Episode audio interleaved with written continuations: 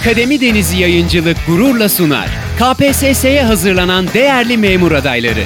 Akademi Denizi podcast dönemi başladı.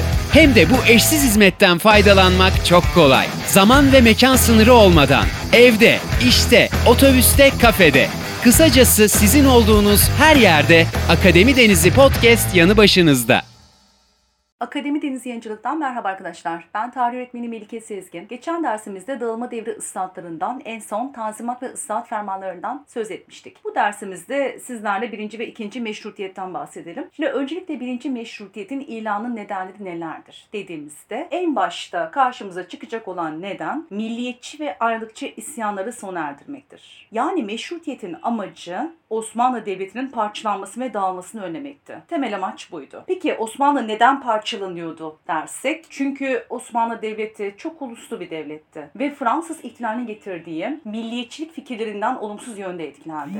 Osmanlı'da yaşayan azınlık milletler bağımsızlık amacıyla Osmanlı'ya karşı isyanlar çıkardılar ve bunlar teker teker Osmanlı Devleti'nden ayrılmaya başladılar. İşte Osmanlı'nın parçalanmasını önlemek amacıyla ortaya atılan fikir Osmanlıcılıktı. Yani Osmanlıcılığa göre Osmanlı Devleti Türk Devleti değildir. Osmanlıların yaşadığı yerdir. Irk, dil, din ayrımı yoktur.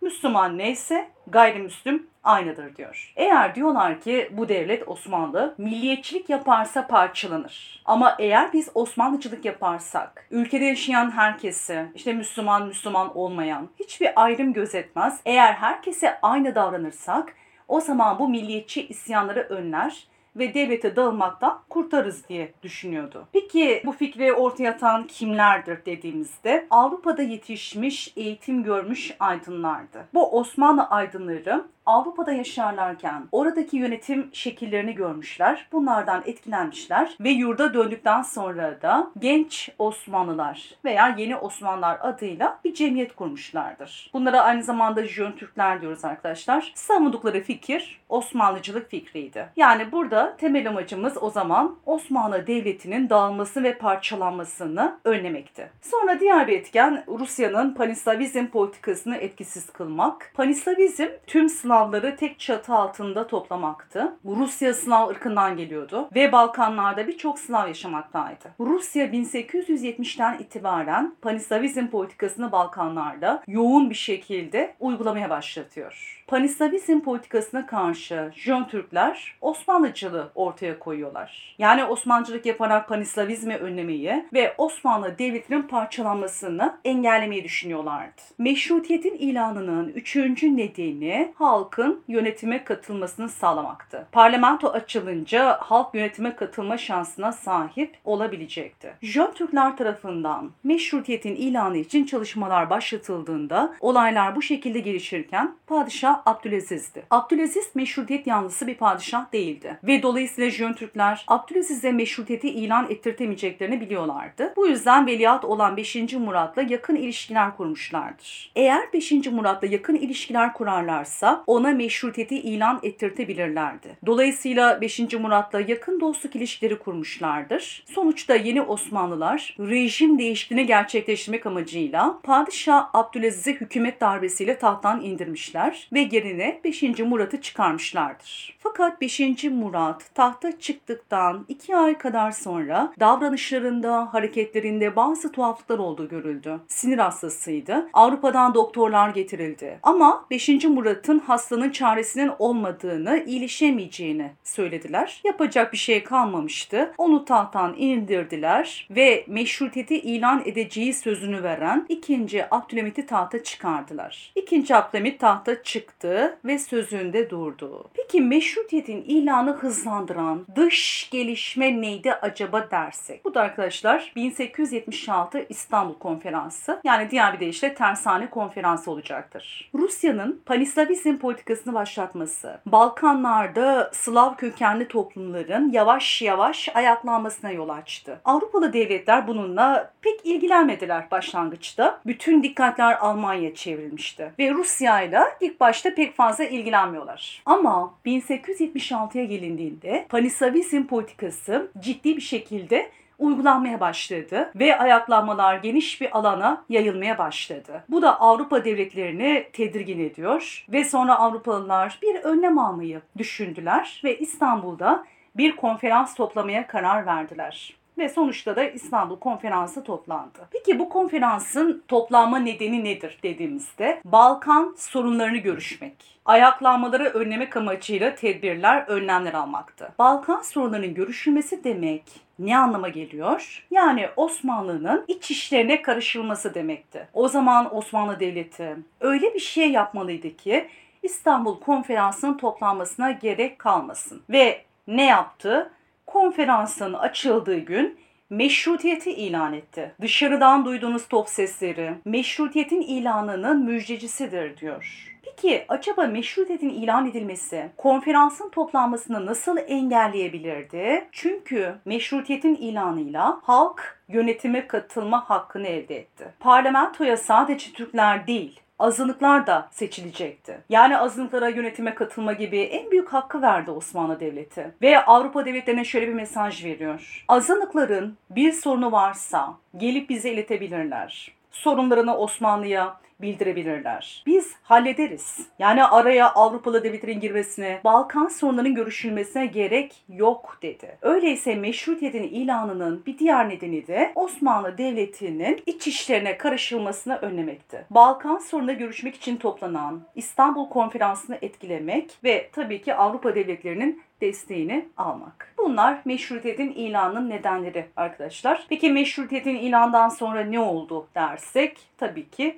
kanuni esası ilan ediliyor. 23 Aralık 1876. Peki kanuni esası neydi? İlk Osmanlı Anayasası'nın adıdır ve meşrutiyetle beraber yürürlüğe girecek. Peki birinci meşrutiyetin ilanı ile ne oldu? Böylece meşrutiyetin ilanı ve anayasanın ilanıyla Osmanlı Devleti ilk kez anayasal ve parlamenter sisteme geçmiş oldu. Osmanlı Devleti'nde ilk defa halk yönetime katıldı. Amaçlardan birisi buydu. Osmanlı Devleti'nin ilk kez yönetim şekli değişti. Monarşiden meşrutiyete geçiliyor. Aynı zamanda padişahın yasama gücü ile ilgili yetkisi de kısıtlanmış oldu. Şimdi kanun esası yer alan bazı maddeleri değinmek istiyorum arkadaşlar. Mesela şöyle diyor anayasa. Egemenlik Osmanlı soyundadır. Demek ki bu anlayış değişmemiş. Egemenlik devleti yönetme gücüydü. Hala Osmanlı halkını Osmanlı soyu yönetir, padişah yönetmeye devam edecektir. Padişah kutsal ve sorumsuzdur diyor.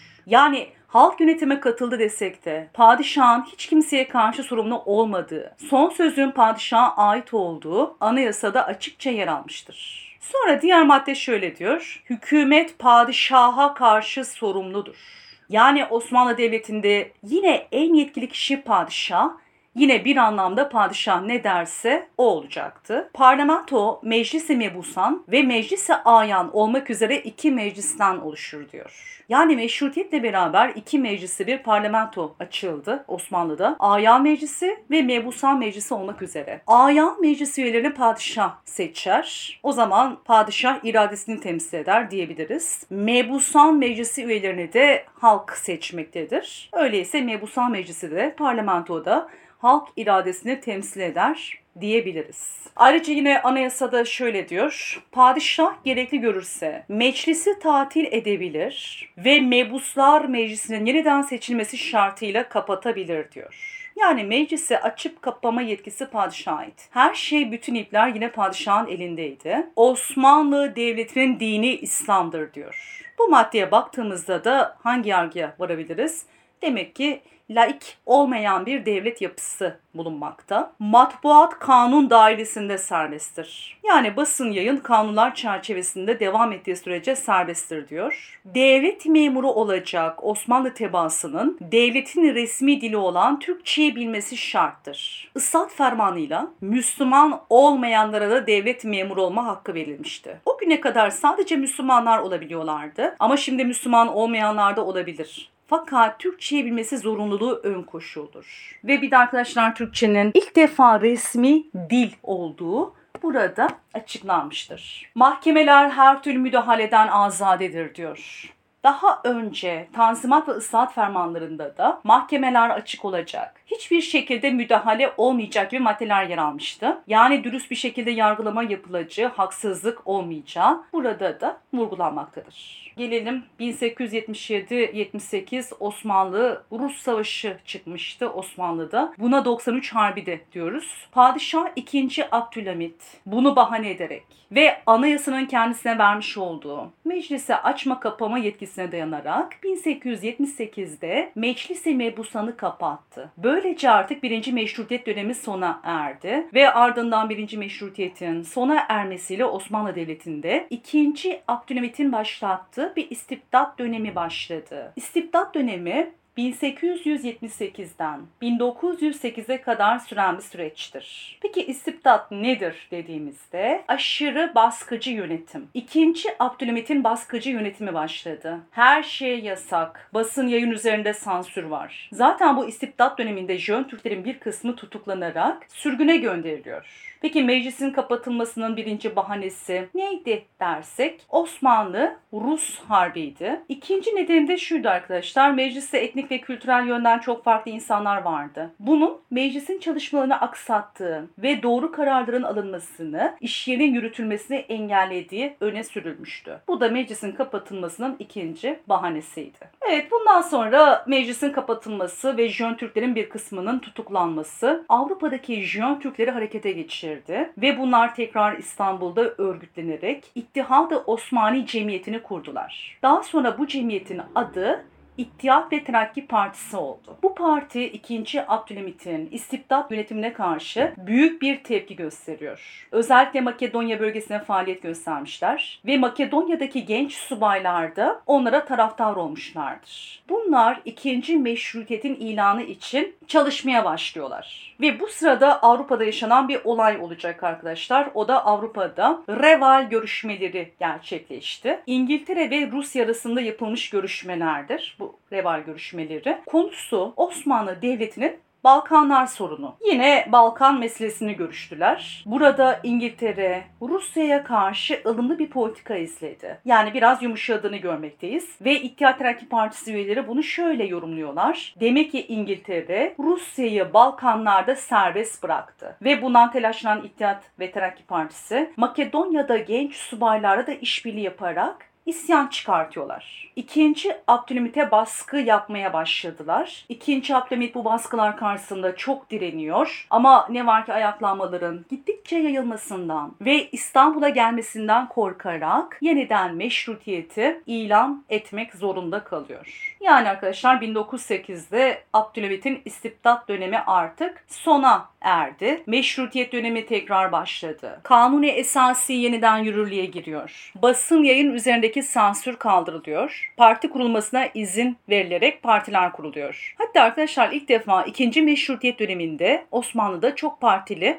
hayata geçiliyor. Evet şimdi artık karşımıza bir isyan çıkacak. O da 31 Mart ayaklanması. Osmanlılar'da meşrutiyet yönetimine karşı olan gerici insanlar 1909'da bir isyan çıkartıyorlar. Buna tarihte 30 Mart ayaklanması denir. Amaçları rejimi değiştirmek. Yani meşrutiyetten monarşiye dönmek istiyorlar. Gerici bir ayaklanmadır. Bu ayaklanma bazı Avrupa devletleri özellikle İngiltere tarafından da destek görmüştür. Ve padişah bu isyan karşısında hiçbir şey yapmamış. Yani sessiz kalmış ve bunun üzerine Makedonya bölgesinden hareket ordusu İstanbul'a doğru hareket ediyor. Kurmay Yüzbaşısı Mustafa Kemal'di ve Mustafa Kemal bu sırada Selanik'te Kurmay Yüzbaşıydı ve orduda görev aldı. Bu ordu İstanbul'a gelerek 31 Mart ayaklanmasını bastırdı ve ardından 2. Abdülhamit parlamento kararıyla tahttan indirildi. Bunun da gerekçesi 31 Mart ayaklanmasını bastırmak için hiçbir girişimde bulunmamasıdır. Ve 2.